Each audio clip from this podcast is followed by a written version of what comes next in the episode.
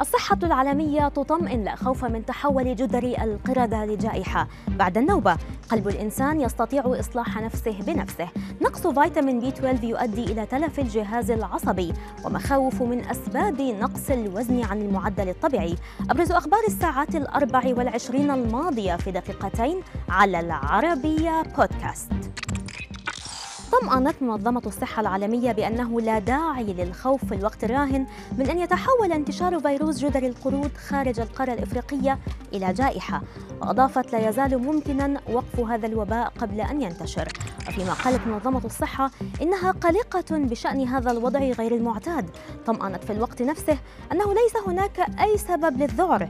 من جانبه قال المدير الإقليمي لمنظمة الصحة العالمية في أوروبا هانس كلوغ إن الاستجابة الفعالة لتفشي جدري القردة لا تتطلب نفس الإجراءات الضخمة التي كانت مطلوبة لمكافحة كوفيد 19 نظرا لأن الفيروس ينتشر بشكل مختلف.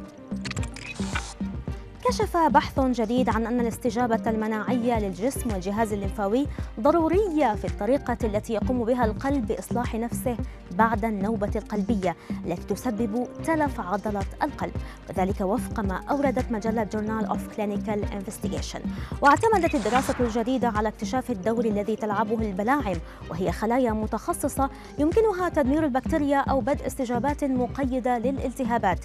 فيما أفاد الباحثون بأن هذه الضامة تنتج نوعا معينا من البروتين يسمى VEGFC من جانبه أكد عالم الأمراض إدوارد ثورب من جامعة نورث ويسترن أن البلاعم أو الخلايا المناعية التي تندفع إلى القلب بعد نوبة قلبية تأكل الأنسجة التالفة أو الميتة وتحفز أيضا عامل النمو البطاني الوعائي الذي يحفز تكوين الأوعية الليمفاوية الجديدة ويعزز الشفاء. قال أخصائي أمراض الباطنية الطبيب التركي كايا كامرون إن نقص فيتامين بي 12 يمكن أن يؤدي إلى حدوث تلف في الجهاز العصبي والدماغ. ويحمي فيتامين بي 12 النسيج العصبي ويدعم وظائف الدماغ بينما الجسم غير قادر على إنتاج هذا الفيتامين بنفسه. ومن بين أفضل مصادره الكبدة والطحال والسالمون بالإضافة إلى الحليب.